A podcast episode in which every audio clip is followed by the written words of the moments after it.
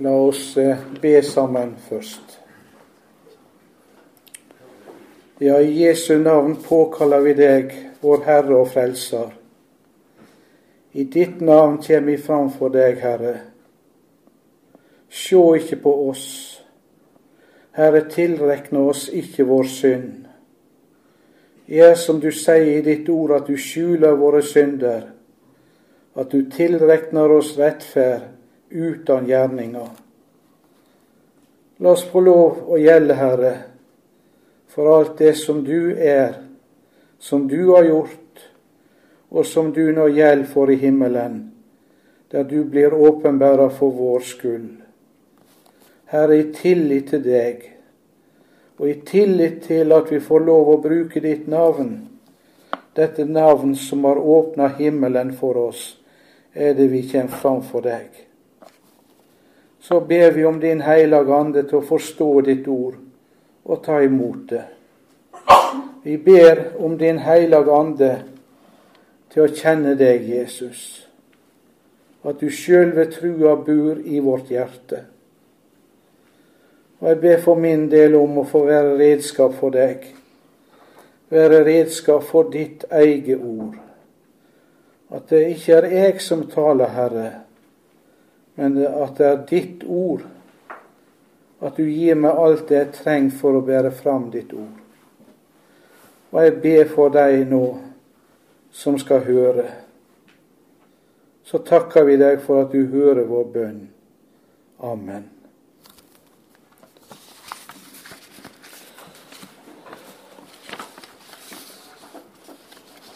I vår første bibeltime over Filippabrevet for 14 dager siden, så så vi litt på første gangen Paulus og Silas kom til Filippi. Vi leser om det i apostelgjerningene 16. Og Vi sa også litt om bakgrunnen for brevet. Det var på sin andre misjonsreise, som en regna var det fra år 50 til 52, at Paulus kom til Filippi. Og ca. ti år seinere er det Paulus skriver til deg i Filippi.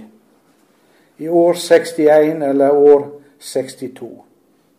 Paulus sitter nå i fengsel i Rom, og Timotius, hans medarbeider, er sammen med han der.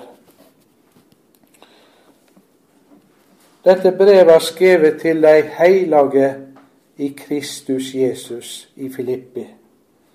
Og de hellige eller de hellige, det betyr de er i samfunn med Gud.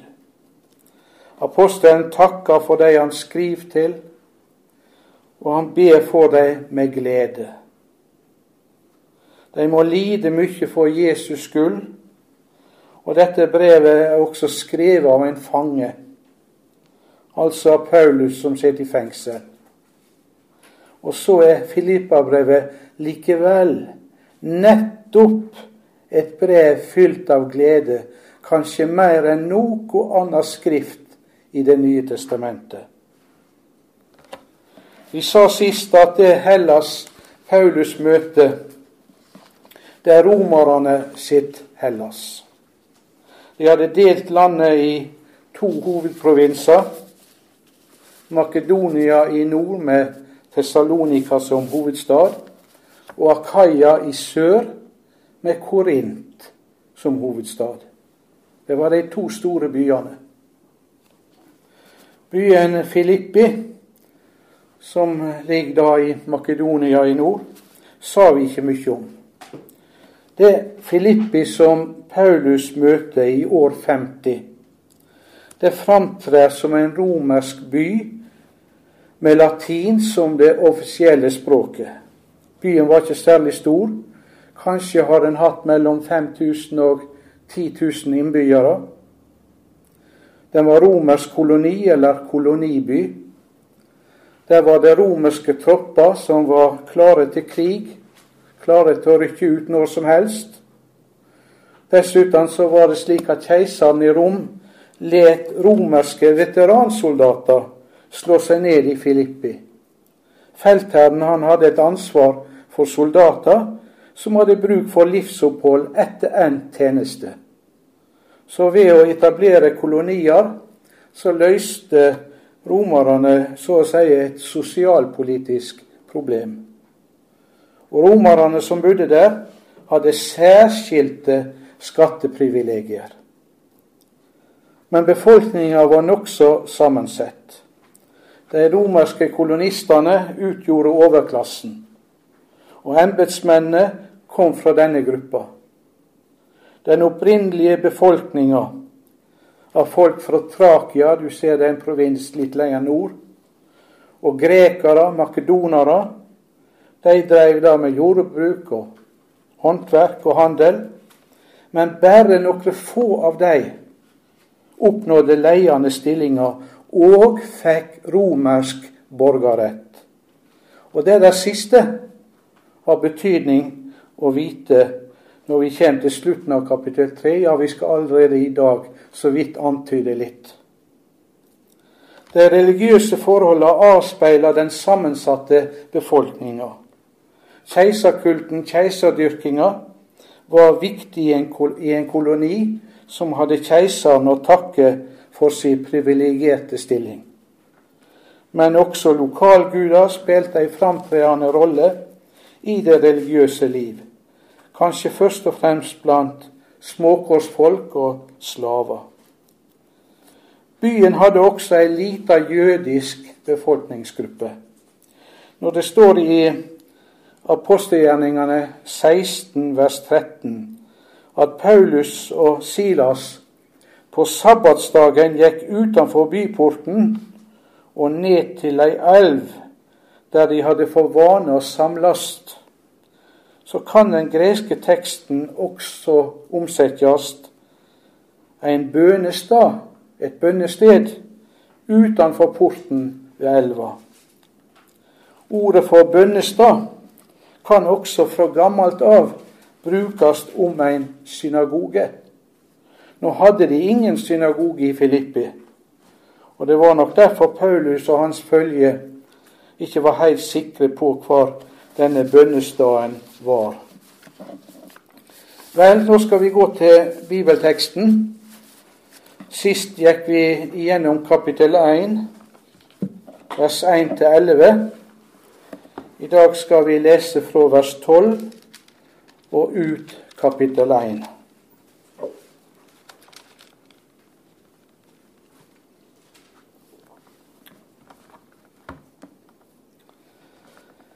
Jeg vil at det skal vite, brød, at det som har hendt meg, heller har ført til framgang for evangeliet. Det har nemlig blitt kjent for hele livvakta og for alle de andre at det er for Kristi skyld jeg er i lekker. Og på grunn av lekkene mine har de fleste av brødrene blitt så tillitsfulle i Herren at de med enda større mot taler ordet uten å ortast. Det fins nok de som forkynner Kristus på grunn av misunning og stridslyst, men andre gjør det av god vilje. Disse gjør det av kjærleik, for de veit at jeg er sett til å forsvare evangeliet. De andre forkynner Kristus av æresjuke, ikke med ærlig hug, men de tenker med det å legge trengsler til lekkene mine. Hva så?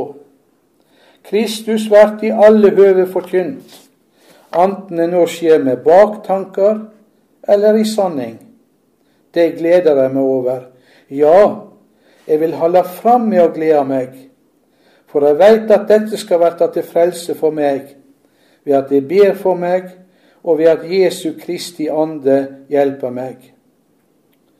Såleis er det min lengt og mi von at eg ikkje skal verta til skammar i noko, men at eg, nå som alltid, med stort frimod må æra Kristus ved lekamen min, anten ved liv eller ved død. For det å leve er for meg Kristus, og det å dø er ei vinning. Men dersom det at eg lever i kjøtet, gir frukt av arbeidet mitt, da veit jeg ikke hva jeg, vel, hva jeg, skulle velge. Jeg kjenner meg dregen til begge sidene. Jeg har hug til å fare herifra og være sammen med Kristus, for det er så mykje, mykje bedre. Men av omsyn til dykk er det mer nødsynt at jeg blir værende i kjøtet. Og av de jeg er viss på det, veit jeg at jeg skal få leve og være hjå dykk, til framgang og glede for dykk i trua. Såleis at det rikelig kan rosa dykk i Kristus Jesus for mi skyld når eg kjem til dykk att. Sjå bare til at det lever et liv som er Kristi evangelium verdig, slik at eg enten eg kjem og vitjar dykk, eller er fråværende, kan få høre om dykk at de står faste i ein ande og med ei sjel kjempar for trua på evangeliet, og ikke på noe vis let dykk skremme av motstanderne. For dei er det et varsel om fortaping, men for dykk er det et varsel om frelse, og det er fra Gud. Siden de har fått den nåden, ikke bare å tru på Kristus, men òg å lia for Han. De står i den samme striden som de så meg stria, og som de nå hører at de fremleis har. Amen.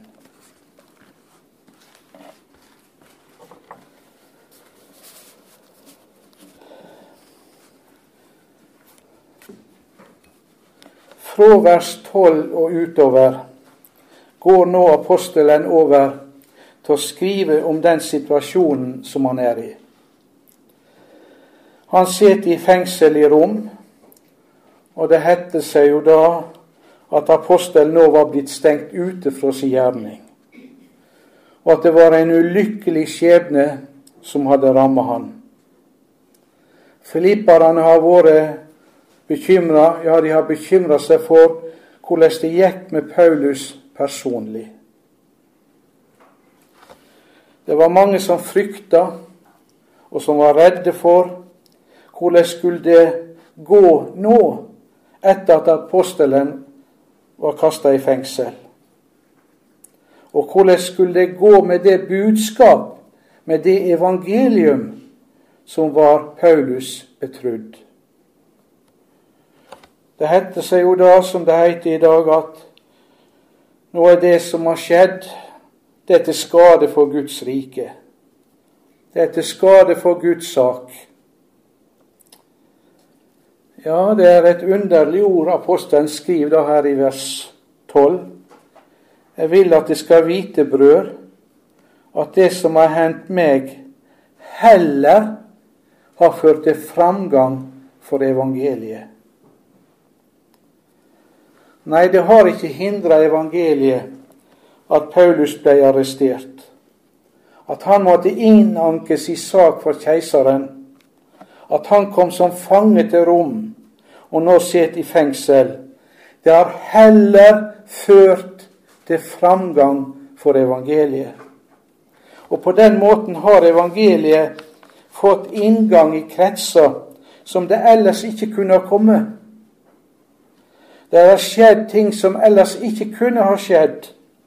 Gud har underlige veier med oss mennesker. Jeg husker Øyvind Andersen, som var misjonsskolelærer på Fjellhaug i Oslo i 50 år.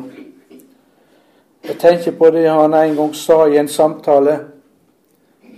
Jeg gikk jo ofte turer med han, og vi samtalte om litt av hvert da. Og Da fortalte han en gang på 70-tallet Han var da blind. Det ble han på i 65, vel, på ei reise i Nord-Norge. I løpet av kort tid så kunne han ikke se lenger. Da var det en som kom til han og sa at det er klart at du må få synet igjen. For skal Gud kunne bruke deg, må du ha både syn og hørsel. Den som Gud skal bruke, han må både kunne se og høre. Og det var liksom underforstått det er slutt på virksomheten din nå, når du er blitt blind. Og da må en jo si som Øyvind Andersen sjøl vitna om det så mange ganger, det gikk stikk motsatt. den virksomhet som han fikk stå i etter at han mista synet, den var langt, langt rikere enn han noen gang hadde før dette skjedde. Og han fikk se langt større resultat av Guds ord enn han noen gang før hadde gjort. Vel, nå er det ingen av oss som kan sammenligne oss med apostelen Paulus når han skriver 'Jeg vil at de skal vite, brød, at det som har hendt meg, heller har ført til framgang for evangeliet. Men det gjelder også for oss, det, når vi lever med Jesus. Det som synes å stenge for oss, det tjener til evangeliets fremme. Vi hører jo det av og til, og kanskje ikke så sjelden heller. F.eks. i våre kristne dagsaviser. I land der en driver misjon, og så kommer det nyheter om at nå er det snart slutt på misjonen der og der. Og misjonærene må ut. Nå er det bare vansker og kriser og nød. Og det ser ut som det bare er elendighet. Og nå stopper det opp med Guds rikes gjerning. Nei, det er ikke sant. Så sant det er tale om Guds rikes gjerning, så stemmer det aldeles ikke med Guds ord. Herren har underlige veier. Og én ting er sikkert. Det som står i vers 6, som vi talte om sist, at Han som begynte ei god gjerning i dykk og blant dykk, han skal fullføre den. Det er sikkert, altså. Det er ikke noe som kan stoppe den gjerninga. Den skal gå sin gang like til Jesu Kristi dag. Og forstår ikke vi alltid hvorfor det skal hende slike ting som det hender. Hvorfor vilkåra skal være som de er. Men hva gjør vel det?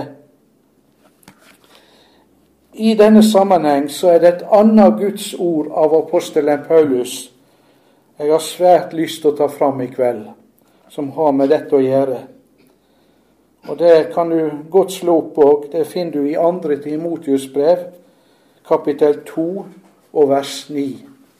Siste delen av vers 9.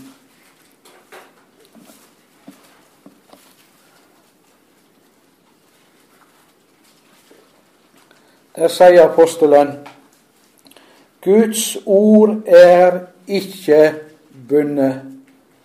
Og det skal du merke deg nøye. Jeg må bare spørre om lyden er ok. Da apostelen skrev det Guds ord er ikke bundet. Da var han også i fengsel, nemlig, de, nemlig det andre fangenskap i Rom i år 64-65, eller kanskje bedre år 66-67, da han lei martyrdøden under keiser Nero. Paulus var i fengsel.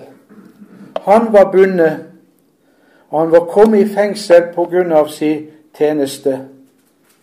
Og det var Guds rikes motstandere og fiender som hadde sett han i fengsel og stengt for hele hans virksomhet, så det ut til menneskelig talt.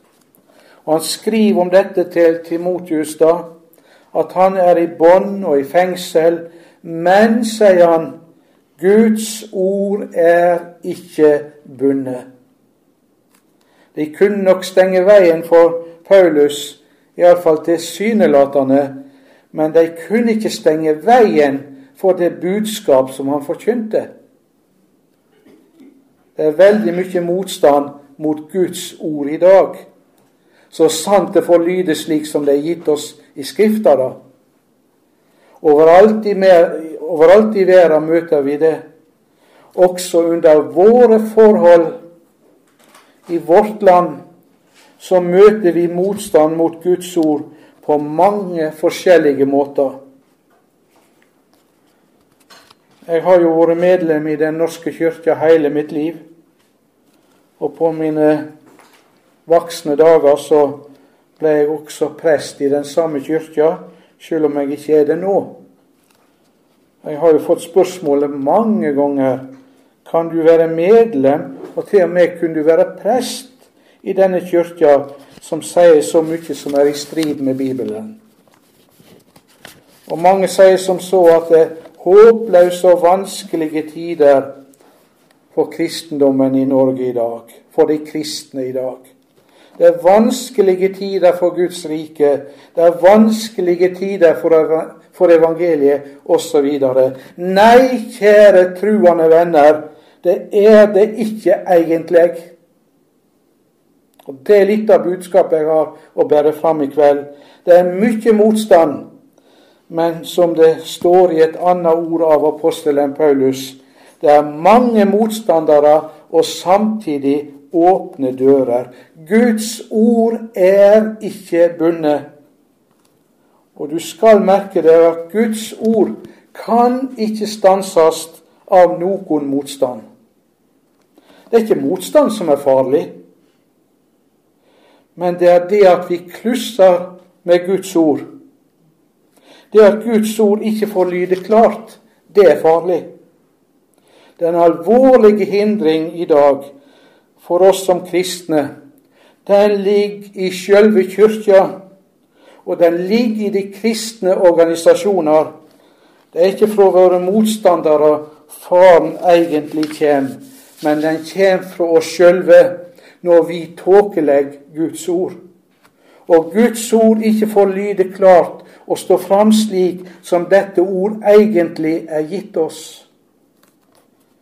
Gud har sagt at ordet som går ut av min munn, skal ikke vende tomt tilbake. Det er hos profetenes Jesaja vi finner det. Merk deg det. Og Jesus sier i Matteus 4 Han sier det som svar på djevelens freisting. Mennesket lever av hvert ord som går ut av Guds munn. Legg du merke til noe her? det som egentlig blir sagt om Guds ord, er at det går ut av Guds munn. Og det som går ut av Guds munn, kan ikke noe menneske stanse. Og virkningen kan ikke noe menneske hindre. Og det ord kan ikke vende tomt tilbake. Nå er saka den at vi ofte forkludrer dette ved at vi siterer bibelord og sier at Guds ord kan ikke vende tomt tilbake. Men så siterer vi og bruker Bibelen og bibelord som uttrykk for, som uttrykk for våre egne tanker. Men da er det ikke lenger det ord som går ut av Guds munn. Da blir det noe annet. Da blir det et løsrevet eller misbrukt bibelord fordi det får en annen mening enn det har i Bibelen. Men Guds ord må få lov å lyde slik som Gud har gitt det, i den sammenheng og i den mening og i den betydning som det har i Bibelen. Og da er Guds ord ikke bundet. Det bryter gjennom all motstand, og det lar seg ikke stenge inne noen sted. En kan fengsle, og en kan til og med myrde Guds tjenere men Guds ord trenger igjennom likevel. Det er mye forkynning i dag, vi må vel si det. Men vi må vel dessverre også si at det ofte er lite Guds ord i mye av den forkynninga som lyder. Det vi er kalla til, det er å formidle Guds ord slik som dette ord går ut av Guds munn. Og da blir det ikke forgjeves. Da blir det ikke stengt. Da kan det ikke stanses. Da er det ikke bundet. Da trenger det igjennom. Mitt kall, også når jeg står her i kveld, men mitt kall som forkynner, eller bibellærer, eller prest, eller hva du vil kalle det, det er ikke å bruke Guds ord men at Guds ord kan få bruke meg. Og det er en stor forskjell på det. Og det er mitt hjertes største ønske når jeg taler, ikke at jeg skal bruke Guds ord, men at Guds ord kan få bruke meg. Og jeg veit da er det ikke forgjeves. Nå skriver apostelen Paulus i vers 13, for, for å gå tilbake til Filippabrevet 1, at nå er det blitt slik det er vitterlig for hele livvakta, altså den keiserlige livvakt, og for alle de andre. Da tenker han ikke minst på de som hører til i keiserens hus. Vi ser det av helsinga til slutt i kapittel 4 vers 22.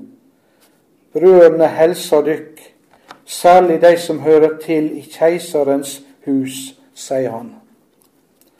Alle de andre, altså de som hørte til i keiserens hus, det var svært mange, det, og utgjorde hundrevis, kanskje tusener av mennesker, de fleste frigitte eller slaver. Nå er det også omsett vers 13, det er blitt kjent i hele borga vi kunne omsatt slik som de har gjort på svensk, og brukt det samme ordet pretorie.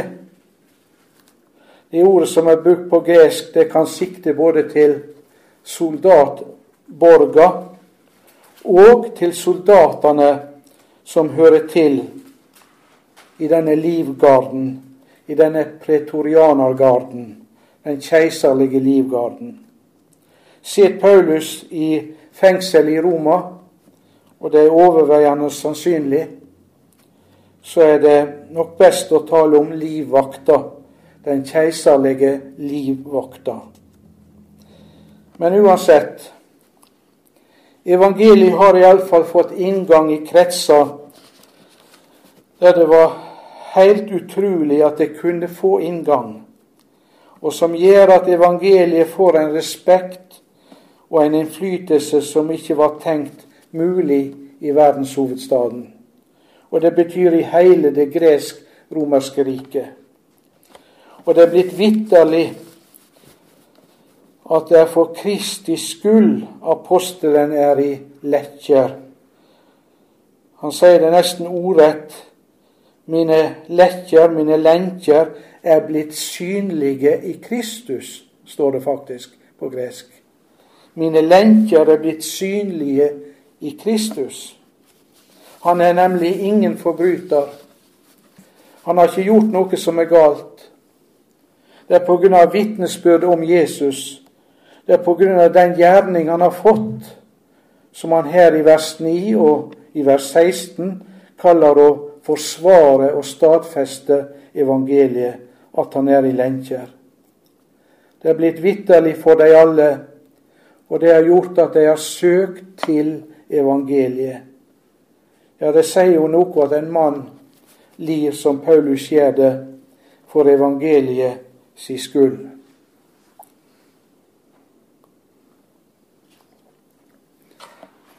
Vers 14. Og på grunn av lenkene mine har de fleste av brødrene blitt så tillitsfulle i Herren at de med enda større mot taler ordet uten å ottast, uten å frykte. De fleste av brødrene er nok tenkt på forkynnerne der i rom med det uttrykket.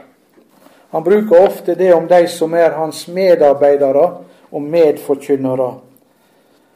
De har fatta tiltru til hans lenker, som også er mulig omsetting, en mulig lesemåte. Der i vers 14.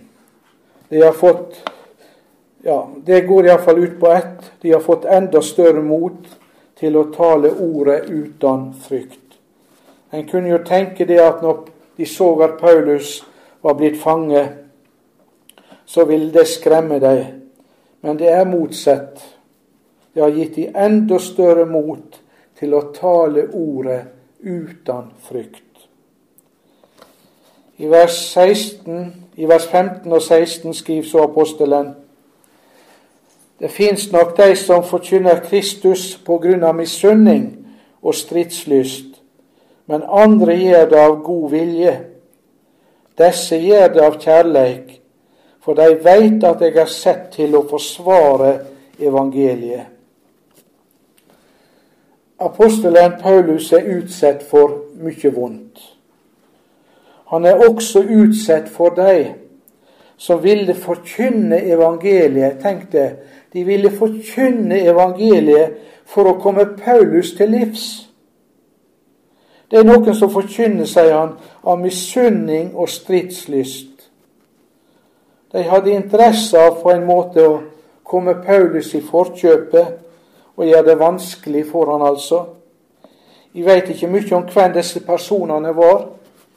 Kanskje var det respektable ledere som har følt seg eh, sett i skyggen av Paulus etter at han kom til Rom.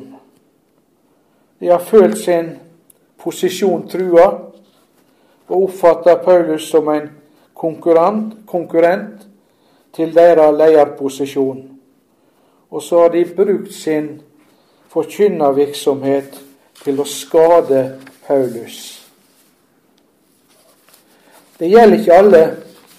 Han skunder seg å føye til det, men andre gjør det av god vilje. Og de som gjør det av god vilje, de gjør det av kjærlighet til Paulus, av kjærlighet til Kristus.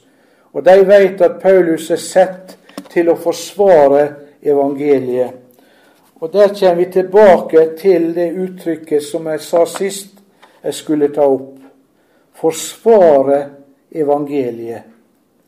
Det hører med til apostelens kall. Den som har fått det som si kallskjerning å være forkynner og lærer i Guds rike, har samtidig fått sitt kall til å holde øye med vranglære og imøtegå den. Vi ser av det som han skriver i sitt brev til Timotius.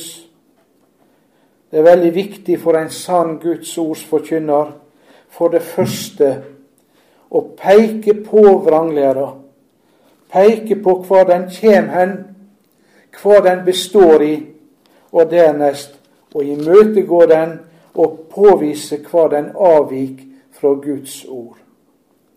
Denne dobbelte oppgåva, å påvise vranglære og imøtegå den, det er en viktig del av det apostelen har som sitt kall, som arbeider i Guds rike. Og dette kaller han med ett ord forsvare evangeliet. Det er blitt kalla apologetikk. I grunnteksten er substantivet brukt både i vers 7 og i vers 16 her. Apologian, forsvar, forsvar for trua. Hver bærer apologeo, forsvare, og en apologete det er en som forsvarer. Paulus han er sett til å forsvare evangeliet, og gjennom det at han forkynner også stadfester det. Det veit disse som, forkynner, som elsker Jesus. De kjenner at dette er en del av hans kall. Når apostelen har imøtegått f.eks. judaistene Se i Galaterbrevet. Når han har avslørt det som er galt i farisismen, når han har imøtegått andre åndsretninger, da har han gjort det som Gud har kallet han til. Når han påviser hva dette avvik fra Guds ord, da gjør apostelen det som er hans gjerning å gjøre. Han er sett til det av Gud. Det var mange som sagt som ikke tålte det. De følte seg treft av det, og så ville de på forskjellige vis prøve å komme Paulus til livs. Og det er dette han antyder. Han sier jo ikke mye om det, men han går tilbake til det igjen nå i vers 17. De andre forkynner Kristus av æresjuke, ikke med ærlig hug, men de tenker med det å legge trengsle til lekkene mine. Hensikta var simpelthen å gjøre det verre for Paulus så kunne en vente at han ville komme med en hard tale. At han ville felle en dom over disse mennesker. Det gjør han ikke. Han sier bare i vers 18.: Ja, hva da? Hva da? Hva så? Kristus vert i alle høve forkynt, enten det nå skjer med baktanker eller i sanning. Han er klar over det at det er ikke ekte med disse som forkynner av misunning og stridslyst, av trettesyke, av æresyke, av de som ikke gjør det av ærlig hug. De er ikke sanningsvitne i ordets egentlige forstand, men likevel, for så vidt som de peker på Jesus, og peker på det som Guds ord sier om Jesus, så gleder han seg likevel. Sjøl om det er med baktanker de gjør det. Evangeliet blir i alle høve forkynt, sier han, enten det nå skjer med baktanker eller i sanning. Men det betyr ikke at han anerkjenner denne forkynninga som skjer av sånne ureine motiv. Det gjør han ikke, og det kan han ikke gjøre. Men han gleder seg likevel over at det er Kristus som blir forkynt og blir kjent. For det er det viktigste for Paulus.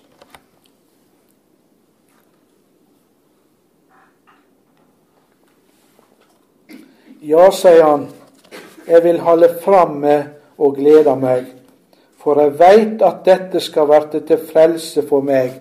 Vers 19. Det blir til hjelp for Paulus at Kristus blir forkynt. Det skal bli meg til frelse. Med frelse tenker han da på det at han når målet. Vi bruker jo gjerne ordet frelse i betydninga å bli en kristen. Men her er det altså brukt i den vanlige og mest alminnelige nytestamentlige betydning å nå målet. Det skal være til frelse for meg ved at det ber for meg, og ved at Jesu Kristi ande hjelper meg. Det kommer av det at de han nå skriver til, de ber jo for Paulus og de kjenner til disse vanskene, og de taler med Herren om dem. Og Jesu Kristi ande vil jo åpenbære Guds ord og frelse for de som trenger det. Så at det som kanskje er meint å være til plage for Paulus, og er meint å skulle hindre han, det kan da Guds hellige ande bruke på menneskets hjerte til frelse og hjelp for dem og Da blir det igjen i neste omgang til gagn for Paulus. Og dermed kommer han inn på det som egentlig er ei hovedsak her, vers 20. Såleis er det min lengt og min von at jeg ikke skal verta til skamme. Hans sak er nå framme for keiseren. Han har ikke sett utgangen på den, han veit ikke ennå om det blir til liv eller til død med den saka. Det kan svært godt resultere i dødsdom. Ja, menneskelig sett er det til og med sannsynlig at hans sak ender i dødsdom. Derfor er hans situasjon der han nå sitter i Rom, den er ikke noe sjølsagt. Og Derfor er det sånn om å gjøre for Paulus at ingenting skal skje fra hans side som skal kaste vanære over evangeliet.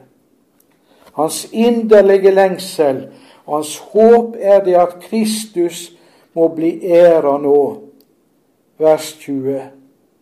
At jeg nå som alltid med stort frimod må ære Kristus ved lekamen min. Det betyr også ved hele meg, ved hele min eksistens ved sjølve den ting at jeg er til at det må få lov å ære Kristus. Det har skjedd før at det også må skje nå, enten det skjer ved liv eller ved død. Da skjønner vi jo av sammenhengen her videre at han tror det kommer til å bli til liv, tross alt, på grunn av at han veit at hans gjerning er ikke ferdig ennå. Og det viste seg å være riktig. Det kommer vi snart tilbake til. Men det jeg vil ha fram nå, det er jo det som er det store når det gjelder vårt liv som kristne her i verden. At Jesus blir herliggjort ved vårt legeme, og dermed også ved hele vårt liv, ved hele vår eksistens. Og det kan skje. Vi er fulle av synd. Det er vi etter vårt gamle menneske. Det var også Jesu apostler. Jesu apostler var ikke mer syndfrie enn vi er. Og likevel sier Jesus i si bønn til Faderen om deg, Johannes 17, 10. Jeg er herliggjort i deg. Det er et stort Det er et ord til deg, og det ber jeg om for min egen del at det må skje, at Jesus blir herliggjort i oss. Da kommer vi til å tjene Han med vårt liv. Da kommer vi også til å tjene Han med vår død. Og at det blir som det står i Romerbrevet 14,8.: For om vi lever, så lever vi for Herren. Og om vi dør, så dør vi for Herren. Og enten vi da lever eller dør, så hører vi Herren til. Romerbrevet 14,8. Apostelen veit ikke på dette tidspunkt, som vi nettopp sa, hva utgangen på hans sak kommer til å bli. Det gir han uttrykk for her i vers 20 og i kapittel 2. Han aner nok at han skal få bli i live, men han er ikke sikker på det. Men det er én ting som er hans inderlige lengsel, og som er hans bønn og hele hans håp. Og det er at han ikke skal bli til skamme i noen ting. At Kristus må bli æra ved hans legeme, enten det blir ved liv eller ved død. Slik har det vært før, og slik ber han om og lengter han etter at det må bli nå. Og som da en begrunnelse for dette kommer det i vers 21. For det å leve er for meg Kristus, og det å dø er ei vinning. Eller som det også blir omsett for meg Og jeg skal egentlig ha betoninga der, etter den greske grunnteksten. For meg er livet Kristus og døden ei vinning. Dette siste òg, og døden ei vinning, er dette hebraiske òg egentlig, som har smitta over, eller som har påvirka det greske òg. Etter tanken betyr det følgeleg, og av den grunn er døden ei vinning.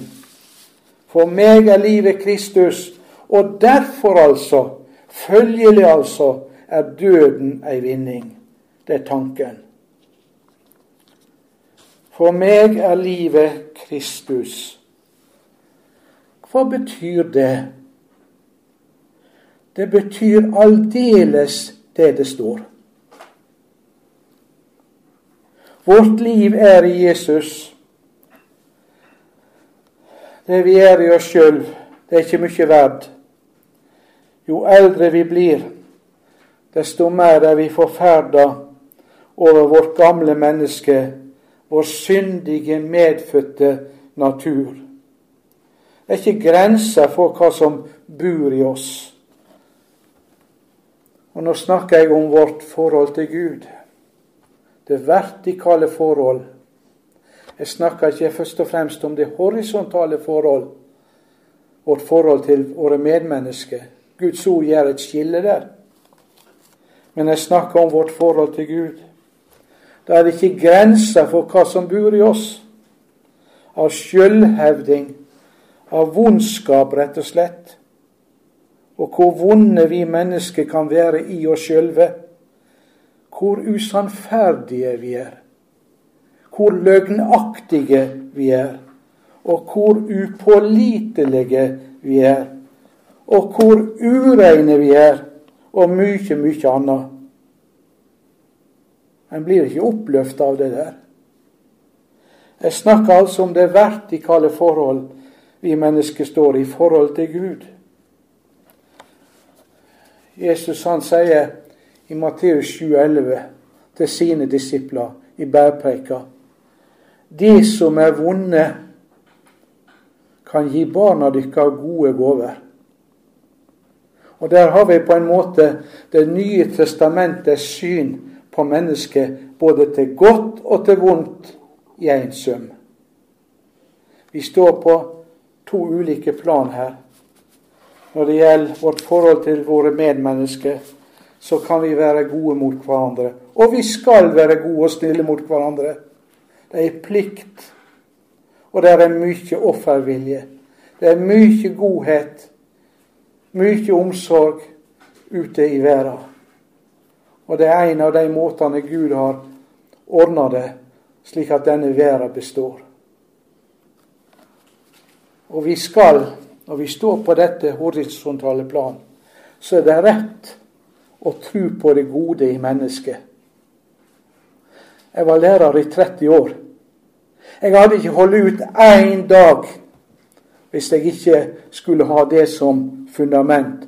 Jeg tror på det gode i mennesket når jeg møter et annet menneske.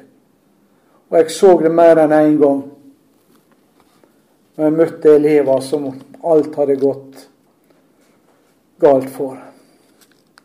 De hadde mista all sjølrespekt. Og så kunne jeg gi dem litt tillit. Oppmuntre dem litt. Og så kunne du så å si få dette gode i mennesket til å folde seg ut. Så det ble en vakker blomst. Fordi jeg trodde på det gode i mennesket. Jo, når jeg står der overfor, våre medmennesker Det kan gi barna deres gode gaver, og det skal vi gjøre. Men det er en helt annen målestokk når jeg står overfor Gud.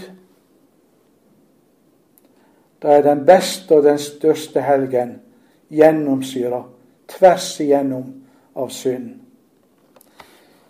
Når jeg står overfor Gud, da tror jeg ikke lenger på det gode i mennesket. Da tror jeg bare på Jesus. Bare på Jesus. Så det gamle mennesket i oss, det er ikke blitt bedre med åra. Jeg vil tro at vi som lever med Jesus, tross alt, har fått oppleve at han har sett sitt merke på oss gjennom åra. Og hvordan det er skjedd, skal jeg komme mer tilbake til i forbindelse med kapittel 2,5. La dette sinn være i dykk, som òg var i Kristus Jesus, og det som står der videre. Jeg sier ikke mer om den saka akkurat nå, men jeg vil gjerne ha nevnt også i denne sammenheng. Jeg vil da tro det, at tross alt får Jesus sette sitt preg på oss som tror på Han. Og det gjør Han, men det skjer ikke gjennom noe forbedring av det vi er i oss sjøl. Men det er det at Han er vårt liv, Jesus Kristus. Vil du vite hva du har, så må du se på Jesus. Vil du vite hvordan det står til med ditt gudsforhold, så må du ikke se inn i deg sjøl. Du må ikke undersøke hvordan er det nå med min tru. Det er mange som mener at det er bibelsk, og at vi er formant til det i Guds ord, og undersøke hvordan det er med vår tru. Ja vel, i en forstand er det riktig, men ikke slik som de fleste oppfatter det og praktiserer det. Det tenker på det som står i 2. Korinterbrev 13,5.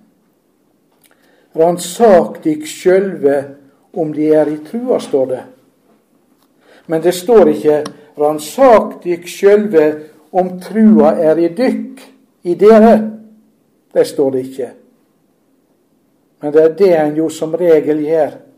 En ransaker seg sjøl for å finne ut er trua i meg. Og da ser du bare mangel på tru. Da kommer du til kort. Formaninga går ut på du skal ransake deg sjøl. Du skal gi nøye akt på at du virkelig tror på Jesus. At ikke du setter lit til noen eller noe utenom Jesus. Du skal se på deg sjøl slik som Skrifta vitner om at du er Jesus. Prøv deg sjøl om det er Guds løfte du regner med. Ransak deg sjøl slik at du ikke stoler på deg sjøl eller noe annet menneske. Men hvis du begynner å se på deg sjøl, f.eks. For, for å finne ut om Jesus bor i deg, om Jesus lever i deg, i ditt hjerte, så ser du bare deg sjøl. Det er jo klart, det. Derfor er det blitt sagt i stor visdom Vil du oppdage, vil du oppleve at Jesus lever i deg og i ditt hjerte, da må du lære å se deg sjøl i Kristus i Ordet. Du må lære å se deg sjøl i Kristus i Guds ord. Da holder du den prøven som Bibelen taler om. For meg er livet Kristus. Gud har gitt oss det evige liv. Det står også om det i Johannes første brev, kapittel 5, vers 11 og 12. Gud har gitt oss det evige liv. Og dette liv, det er i Hans Sønn. Den som har Sønnen, han har livet, og han har det i Guds Sønn. Det er det som Jesus er, som vi er. Det er det vi har fått av Gud. Det er det som er livet vårt. Det er for oss til rettferd for Gud, og det er i oss til helliggjøring, til helliggjørelse, til vitnesbyrd for våre medmennesker. Det er Han som er livet. Så når Guds ord sier her 'For meg er livet Kristus', ja, hva mangler det da? Da er det jo alt. Og så, og så er døden av den grunn ei vinning. Den er en fordel. Visstnok sier Guds ord at døden er syndas i lønn. Egentlig har Bibelen ikke noe pent å si om døden i og for seg. Syndas i lønn er døden. Og vi kan ikke bli fri den sjøl om vi hører Jesus til. Døden er den siste fiende. Likevel, dette som er syndas i lønn, det blir en Herrens tjener, ei Herrens hjelp og et guddommelig sendebud for den som tror på Jesus. I Salme 116 står det i vers 15.: Kostelig, dyrebar, i Herrens auge er hans frommes død. I Bibelen 2011 så sier de det koster Herren mye at hans trugne eller hans trufaste dør. Jeg vil ikke kommentere det nå. Men ordrett står det på hebraisk, slik som vi har det i den gamle omsetninga. Det er helt sikkert kostelig, dyrebar, i Herrens øyne er hans frommes død. Jeg vil ikke kommentere den Bibelen 2011. Det at en kristen går ut av denne verden, det er høyt vurdert av Gud. Det som er kostelig i Herrens øyne, det må vel være verdifullt. Og det er Gud som sier det i sitt ord om døden, hans frommes død, om deres død som tilhører Han. Vi er redde for døden. Det ligger i vår natur. Vi kan ikke unngå å kjenne den redselen, den angsten. Den er der. Det går ei historie om gamle biskop J.C. Høek. Han skriver H-E-U-C-H. Han var biskop da på slutten av 1800-tallet. Og på ei av sine tjenestereiser måtte biskopen gå om bord i en robåt for å komme over fjorden til kyrkja han skulle ha gudstjeneste. Men det blåste opp, og sjøen gikk høg. Rorkaren la merke til at passasjeren ikke likte seg i den vesle farkosten, og spurte er biskopen redd for å dø. Høg svarte jeg er ikke redd for å dø, men jeg er redd for det kalde vatnet. De ytre omstendigheter med smerter og liding, kanskje, de ytre omstendigheter ved døden, er ikke mange av oss som mestrer. Vi har vel stått ved våre kjære sine graver, vi som er her. Og det er vel kanskje ingen som ikke har gjort det. Kanskje flere ganger. Og vi har kjent hvordan det legger seg som et trykk for hjertet når vi ser de tre skufler moll falle på kistelokket, og det blir sagt av jord er du kommet, og til jord skal du bli. Og du sier til deg sjøl, og du, du kan ikke annet at om ei lita stund så er det min tur. Så er det jeg som blir lagt i ei hvitmalkiste. Så det er jeg som blir fulgt ut på kirkegarden av mine kjære. Og blomstene, de skal snart visne, og moll falle på kistelokket, og det er mi kiste. Av jord er du kommet, til jord skal du bli. Jeg syns det er så veldig. Men midt inni det er det at Guds ord lyder i kveld. For meg er livet Kristus, og derfor altså er døden ei vinning. Og her er enda et ord. Av jord skal du igjen oppstå. Vi har et levende håp for vi har en levende frelser.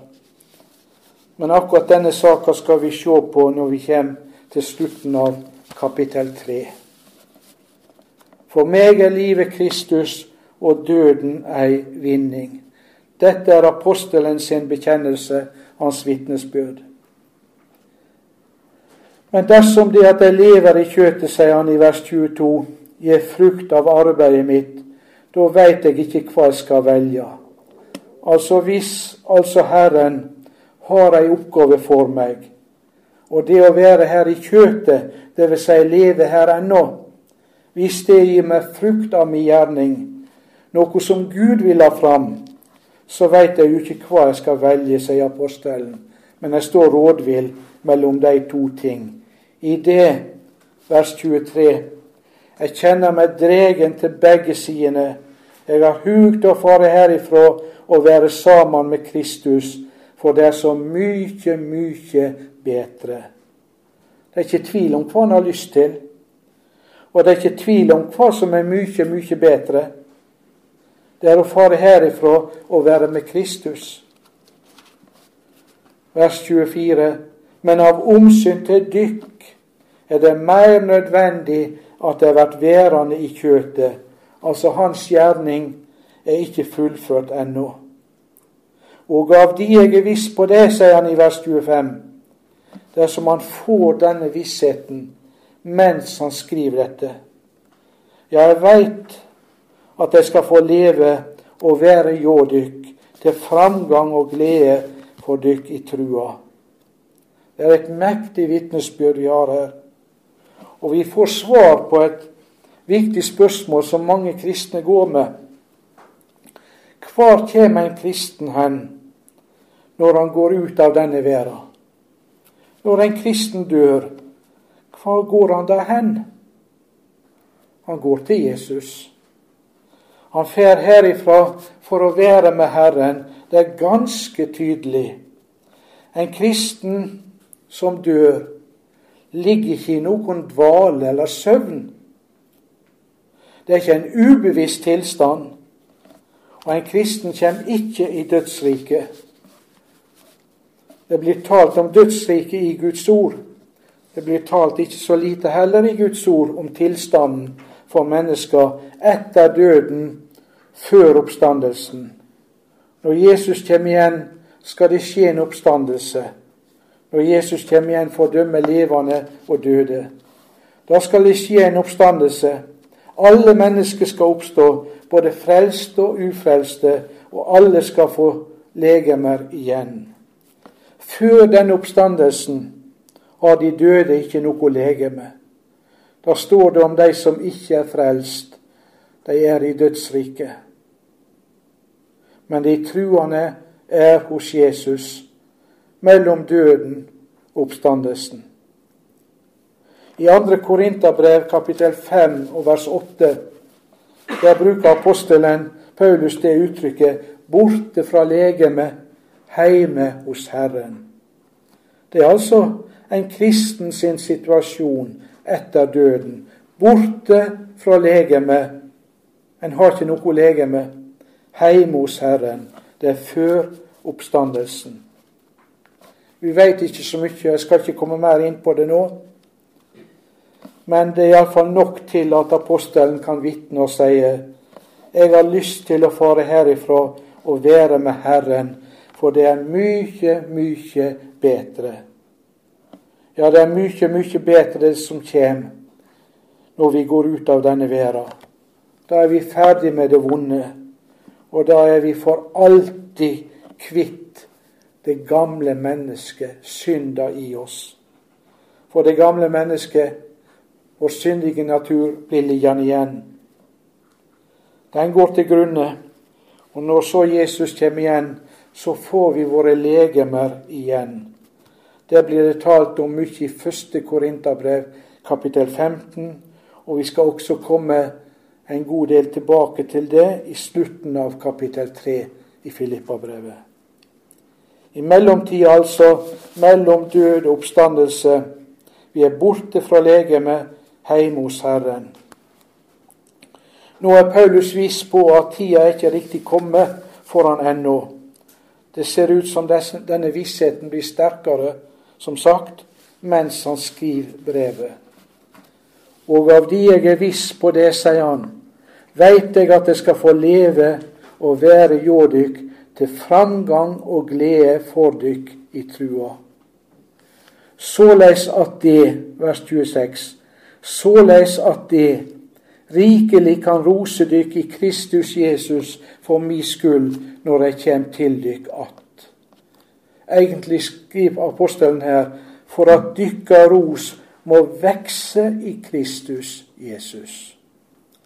Det er ikke sjølros han snakker om, eller menneskelig ros. Jesu Kristi kors opphever all menneskelig ære og sjølros i forhold til Gud. Og se et menneske i den situasjonen der en får alt gitt. Og Da får en rose seg i Kristus Jesus og rose seg av Kristus Jesus. Og det er dette Paulus vil styrke hos deg i Filippi, ved at han kommer til deg og er hos deg. Det er apostelen som formidler denne ros, fordi han hjelper deg til framgang i trua. Ja, men hvordan kan han skrive slik? Jo, han veit hva det er for et budskap han har fått fra Gud. Det er med dette som han skriver til deg i Rom, i Romerbrevet 15, vers 29, som vi også var inne på sist. Jeg veit at når jeg kommer til dykk, skal jeg komme med en fylde av Kristi velsigning. Han veit hva det er verdt som Gud har gitt han å forkynne. Det evangelium som han er tjener for. Han veit hva det er verdt. Dette evangelium det gir oss sjølve frelsa. Det gir oss Jesus personlig. I mellomtida gir han deg den formaninga som nå kommer i vers 27.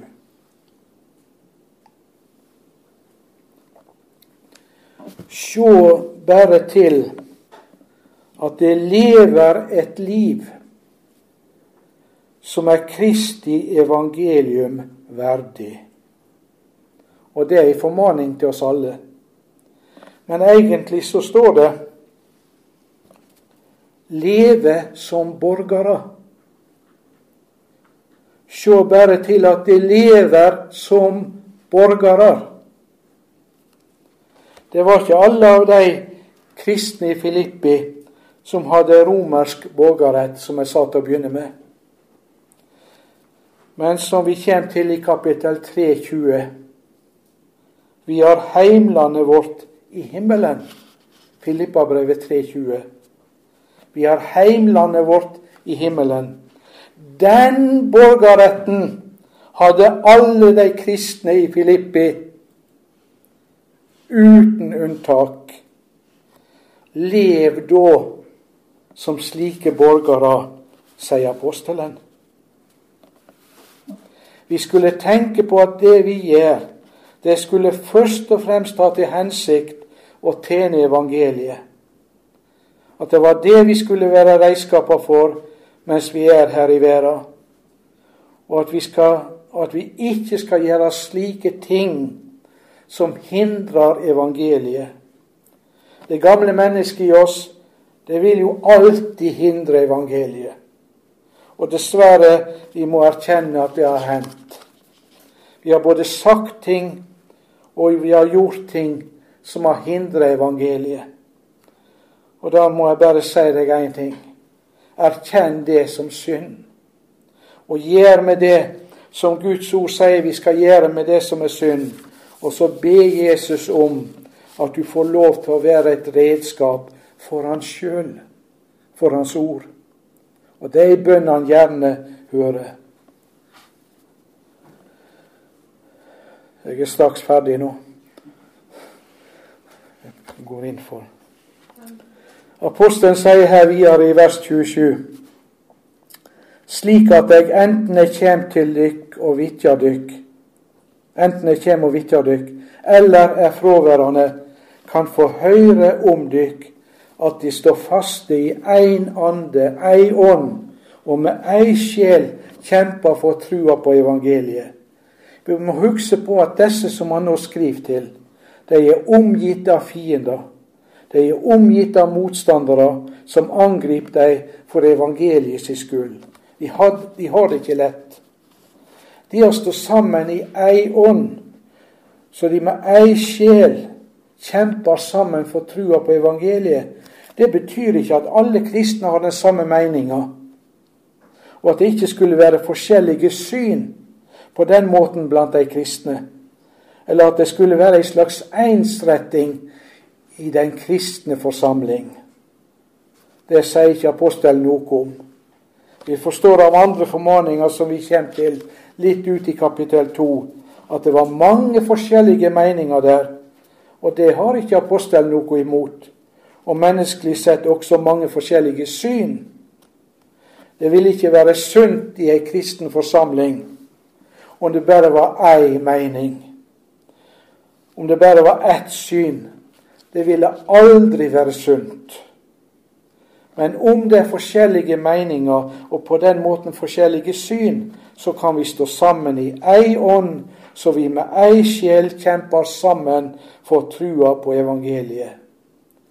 Og så føyer han til, for det var høyaktuelt der i Filippi, i vers 28, og ikke på noe vis let dykk skremme av motstanderne. Ja, for de kom i sanning med trusler og de i Filippi fikk jo lide for vitnesbyrdet sin skyld. Ikke la deg skremme. For, sier han, for deg er det et varsel om fortaping, et varsel om undergang. Men for dykk er det et varsel om frelse, og det fra Gud. Når vantrua merker at vi ikke gir etter for trusler, for motstand Vi står sammen vi kjemper sammen for trua på evangeliet og ikke gir etter. så er det et vitnesbyrd om at det går ikke for deg som har denne motstand, som er årsak til denne motstanden. Og Samtidig er det et vitnesbyrd om vår frelse. Det er slik også i dag. Det var et vitnesbyrd om motstanderen sin, sin undergang, men om dykka frelse og det fra Gud. Et varsel, ei forutseiing om hvordan det ville gå med deg som gjorde motstand, men også om hvordan det ville gå med deg som kjemper sammen for trua på evangeliet. Disse som gjorde motstand, kom til å gå under. De som kjempa for trua på evangeliet, de kom til å bli frelst. Det var fra Gud. Og så slutter han med vers 29.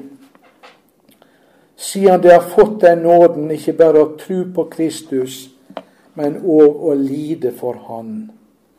Vi ville kanskje si Tenk om det kunne bli oss unt å bli fritatt for lidinger. Vil ikke det være bedre? Men han sier ikke det. De har fått den nåden ikke bare å tro på Kristus, men òg å lide for Han.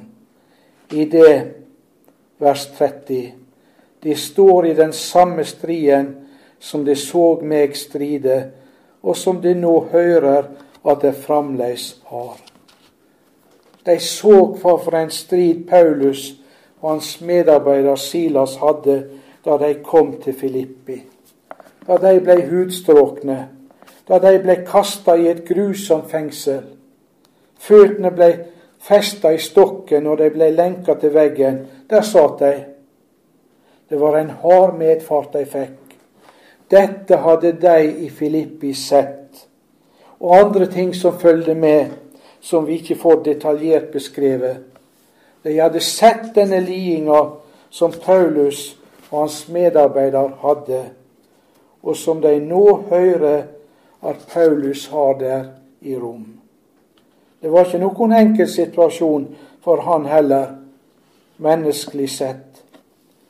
De kristne i Filippi, de har den samme lidinga sjøl. Og det, sier apostelen, er noe som Jesus har unnt deg, og som er en forrett Jesus har gitt deg. Ikke bare å tro på Han, men òg å lide for Jesus skyld. Og det skulle vel si oss at vi skulle vel tåle litt for Jesus skyld, vi også. Han er med oss. Det følger glede med deg som er i en sånn situasjon. Dette er ikke noe sorgens brev, Filippa-brevet, men tvert om, det er nettopp et gledens brev. Ære være Faderen og Sønnen og Den hellige Ande, som var og er og være skal, en sann Gud, fra evig og til evig. Amen.